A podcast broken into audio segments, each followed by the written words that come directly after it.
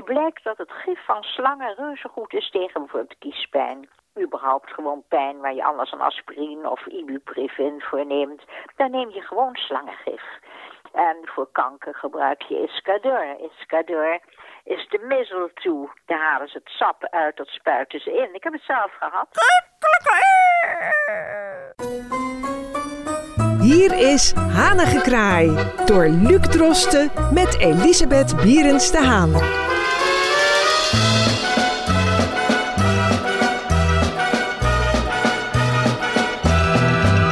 Luistert naar de wekelijkse podcast Hanengekraai met Elisabeth Bierens de Haan als wekelijkse columniste. Want zij geeft haar mening over onderwerpen die haar na aan het hart liggen. Mevrouw Bierens de Haan, ik weet van u dat u uh, licht antroposofisch ingesteld bent. Ja, toen ik mijn man leerde kennen, heeft, heeft uh, mijn lieve Juliaan mij veel verteld over antroposofie, over Rudolf Steiner, over zijn uh, veelzijdige kanten. Hij was een schilder, hij was een bouwer, hij heeft medicijnen ontwikkeld, hij heeft een, een hele, ja, de antroposofie helemaal opgericht zeer veelzijdig en dat sprak me zeer aan. Ja. Want er zitten uh, Oosterse gedachtegangen in. Op allerlei vlakken. De medische wereld, de bouwwereld. Dus als je een huis bouwt, dat je rekening houdt van... er moeten rondingen zijn, geen vierkanten. Kijk, het ING-gebouw is ook volgens antroposofische richtlijnen gebouwd. Dat is dus gezonder. En vierkant is ongezonder. Waarom is vierkant ongezonder volgens u? Een ronding is mooier. Sluit meer aan bij de mens. In Zwitserland is de antroposofie zeer in zwang.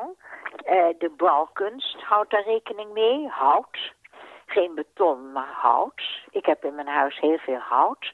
Hout werkt. Hout is heerlijk. Hout ruikt. Het is goed. Dat zijn allemaal dingen, dat moet je leren. Ook de medische wereld. Ik gebruik de medicijnen, is allemaal antroposofisch. Ja. En dat bevalt me buitengewoon goed.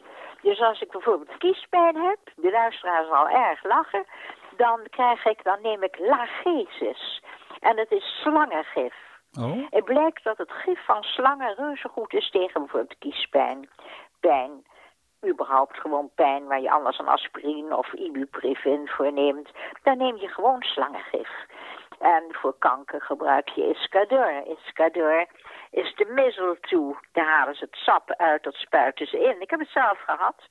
In de KLM-tijd, toen leerde ik al Juliaan kennen. En toen had ik een heel klein, miniem, klein echtje, zou je kunnen zeggen, op mijn borstbeen. Nou, en toen ben ik naar dokter Molenburg in Haarlem gegaan. Die zei elke week komen en je krijgt een injectie en dat gaat weg. En een dieet, moerman dieet. Nou, zeg ik wel 85.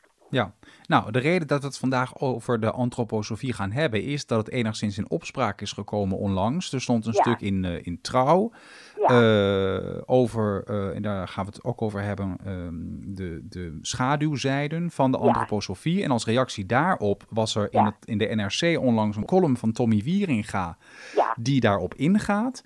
En nu weet ik dat u inderdaad dus antroposofisch ingesteld bent, maar ook inderdaad, en dat weten de luisteraars ook, eh, uw grootvader bijvoorbeeld verloren heeft aan eh, het Derde Rijk. die is vergast. En ik leg die link omdat eh, in de column van Tommy Wieringa Ja. hij het heeft over ja, een, een, een link tussen de antroposofie Ja. en het fascisme. Ja, dat hoor je, dat hoor je wel. Ik wilde graag een paar stukjes uit die column voorlezen Ja, en dan kijken, en dan kijken Laat inderdaad horen. hoe u, daar, eh, hoe u daarover Ja, denkt. Uitstekend. Laat horen. Nou, wat hij onder andere dus eh, schrijft is... Niets fascistisch is de antroposofie vreemd. Mijn schooltijd heb ik grotendeels onder, onder antroposofen doorgebracht.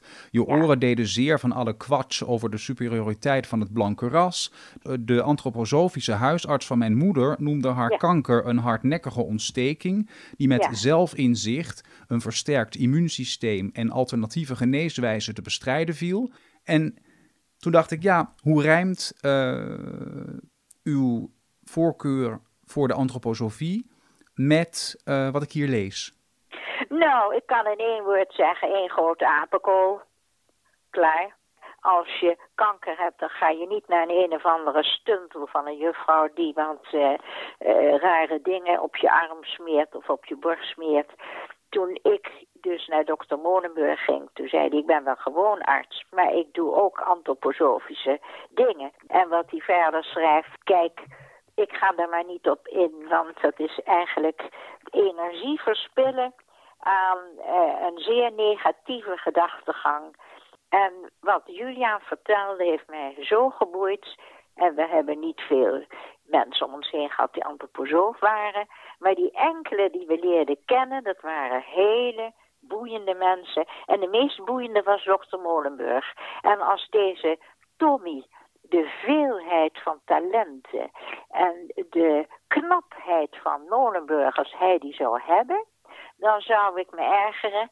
Maar ik vind het zo ontzettend dom wat hier in het artikel staat. Ik hou me aan dokter Molenburg, ik hou me aan mijn lieve Juliaan. En door Molenburg ben ik blijven leven met uh, zonder bobbeltje. Mijn moeder had een pingpongbal in de borst. En die geloofde helemaal niet in de antroposofie. En ik zei, mama, je bent geopereerd. Ze hebben die pingpongbal eruit gehaald. Marina Hospitaal. En uh, wat gaan we nou doen?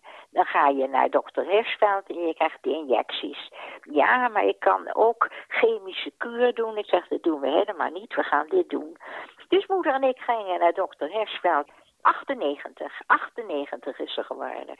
Maar je moet het leren begrijpen. Het is een studie. Ik heb er kennis van genomen en ik ga ermee door. En ik stop niet. En, en het zijn geen naties. En het zijn, zijn mensen die achter de schermen kijken. Je moet zelf als een speurneus moet je goed nadenken en denken van wacht eens even.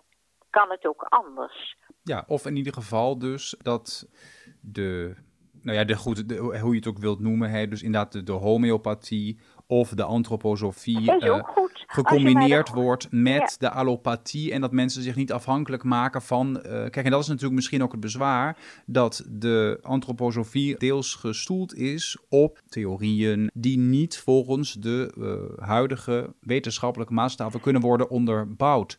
Ik moet je even interromperen. Je zegt de antroposofie. Kijk, de antroposofie, dan kom je bij één man uit. Steiner. Ja, Steiner. Rudolf Steiner. Hij is de oprichter van de antroposofie. Degene die het ontwikkelt, die krijgt natuurlijk een aanhang. En daar kunnen rotte appels tussen zitten. In die antroposofie kunnen ook halve garen tussen zitten. Maar wie niet half gaar was, was Rudolf Steiner. Een zeldzaam begaafde man. Ja. Als je die gedachtegang van Rudolf Steiner niet volgt, dan kan je het ook niet begrijpen. Dus ik zeg tegen de mensen die daar kritiek op hebben, zeg, je hebt helemaal nooit iets gelezen.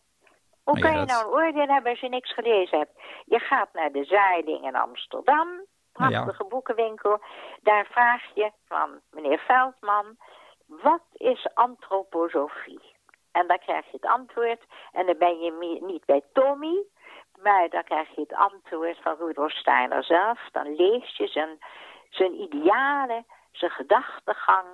En dan begrijp je, dat is antroposofie. En als je dan dat op een uh, noemer gooit van, oh, dit is allemaal, hè, ze zijn racistisch en die hele Rudolf Steiner is halve gek. Kijk, dat, we zeiden op school zo leuk, wat je zegt ben jezelf. Dag Tommy. ja. Maar als iemand dus op het punt ligt te sterven, dus iemand Ja. kan niet meer beter worden, en Ja. eh, die laat zich behandelen door een antroposofisch arts, en die antroposofisch arts zegt eh, van, eh, we doen niet aan pijnverlichting, geen morfine, want dan komt ze niet eh, En rein wie in zegt het... dat? Wie dat- zegt dat? Dat staat hier. Hij zegt dus van, toen ze als gevolg van die kanker op haar sterfbed lag, dacht de antroposoof van dienst dat het beter was geen morfine te geven, omdat ja, ze dan ja, haar weg... Is, dat, ja, maar dat is allemaal kwats. Want toen mijn man in eh eh, Vreugdehof lag, hij was heel ziek en hij ging sterven. En toen kwam de arts en we zaten om zijn bed heen. En toen zei de arts, ik wil hem wat morfine geven. Ik zeg, uitstekend, doen. Ja, Meteen doen. Precies. En dan ben je stapelgek als de familie zegt... Oh nee, moet dat niet gebeuren? Dan doen we het niet. Kijk, je hebt ook nog je eigen inbreng. Nee. En dan is het vast geen goede antroposofische arts geweest. Je moet gewoon, heel gewoon, dingen doen waarvan je weet dat is goed voor de patiënt. Het is niet zo dat als je antroposofisch ingesteld bent, dat je je afsluit voor dingen in de allopathie die wel goed zijn. Het moet zo zijn dat allopathie, homeopathie, vrienden van elkaar zijn. Stel voor dat de antroposofie zou zeggen, nou nee, dat moeten we maar niet doen. Dan ga ik eerst eens even nadenken, hebben ze gelijk. Dat is heel leuk, je hoeft niet kwakkeloos dingen te accepteren. Ik zou nog één leuk ding, ding vertellen. Een mens is een muziekinstrument. Ik heb een prachtige piano, die is 120 jaar oud en wordt geknuffeld als een baby. Dat is een Schietmaier. Het staat gelijk aan een Steinway, schitterende klank pianostemmer komt. Hij moest na een jaar, dat is prachtig hoor, na een jaar gestemd worden. Nou, en ik denk, dat heeft hij toch een merkwaardige stem voor. Ik Wat een gek ding is dat. Een soort afwaskwast van zilverachtig. Ik denk, wat raar. En hij stemt hem en hij zegt, ja, dit moet even vernieuwd en dat. Hem ook bekijken. Ze nou, dat komt de volgende keer wel. Ik zeg, hij speelt goed, de hamerkoppen zijn goed. Die gaan we een beetje intoneren. Dus dat is geen enkel punt. Hij gaat weg. En een week later is die hele piano weer ontstemd. Ja, maar het komt door het weer, door de vocht en de kou. En die ervaring zegt, nee. Weet je waardoor het komt? Door die stemvork, of hoe dat ding ook heet. U moet de ouderwetse meenemen, sleutel. De ouderwetse stemsleutel met een lekker stuk hout. Ja, en ik was zelf helemaal ontstemd. Ik ben een eenheid met die piano. Dus de schattenbouw van Was een u, hele lieve man. net, was u net zo ontstemd als de piano? Ja. Of was u... was, ik was net zo ontstemd. Dus ik was helemaal van slag. Dus zaterdagmorgen kwam die vrolijk weer naar binnen. Ik zei, geef me nou eens die twee sleutels. Ik zei, ja, nou ja, dat is een sleutel voor een vleugel. Ik zei, nou nemen we die andere, die is zwaar. Ja, die is zwaar. Maar dat hebben we nu juist nodig. Toen zei hij, nou, we gaan de proef nemen.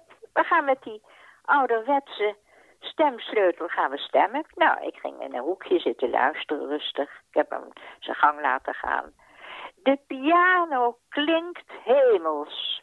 Bij alles wat je doet. Alles wat van de overheid of van buitenaf op je afkomt. Denk goed na. Ik ben een huisvrouw. En dan ga ik hem vertellen, ik wil die oude sleutel. Ik wil dat nieuwe ding niet. Nou, die piano, ik heb vanmiddag twee uur, heb ik Beethoven gespeeld. Een verrukking. Zo, ik ben weer in zo'n goede stemming.